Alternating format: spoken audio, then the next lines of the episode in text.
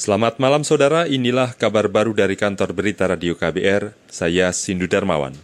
Komisi Nasional Hak Asasi Manusia Komnas HAM meminta Pemprov Jawa Tengah tidak menggunakan pendekatan keamanan dalam menangani permasalahan di Desa Wadas, Kabupaten Purworejo.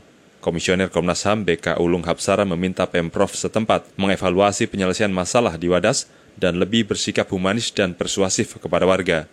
BK juga mendesak perubahan konsep penyelesaian berbasis kebutuhan warga dan menghormati prinsip-prinsip hak asasi manusia. Hal ini disampaikan BK usai menerima penjelasan situasi terkini di Desa Wadas dalam sebuah pertemuan di Puri Gede, Semarang hari ini. Acara itu juga dihadiri Gubernur Ganjar Pranowo.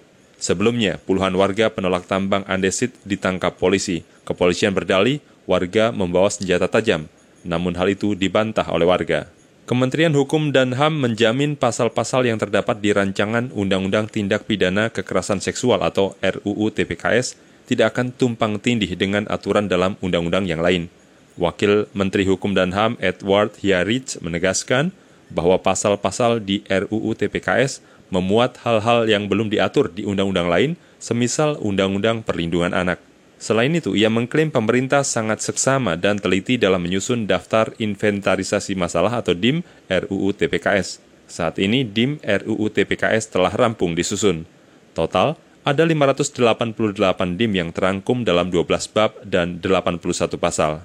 Kita beralih ke soal lain, pemerintah mencanangkan Candi Prambanan, Candi Borobudur, Candi Pawon, dan Candi Mendut di Jawa Tengah menjadi tempat ibadah umat Hindu dan Buddha di seluruh dunia. Mengutip antara news.com, kesepakatan penandatanganan pemanfaatan empat candi itu ditandatangani hari ini secara daring dan luring. Nota kesepakatan tersebut mengacu pada Undang-Undang tentang Cagar Budaya. Sejumlah pihak yang hadir antara lain Kementerian Agama, Pemprov DIY, dan Pemprov Jateng. Keputusan ini dinilai sesuai fungsi dan tujuan awal dari pendirian candi-candi tersebut.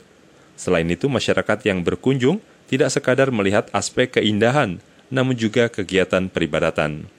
Demikian kabar baru dari KBR, saya Sindu Darmawan.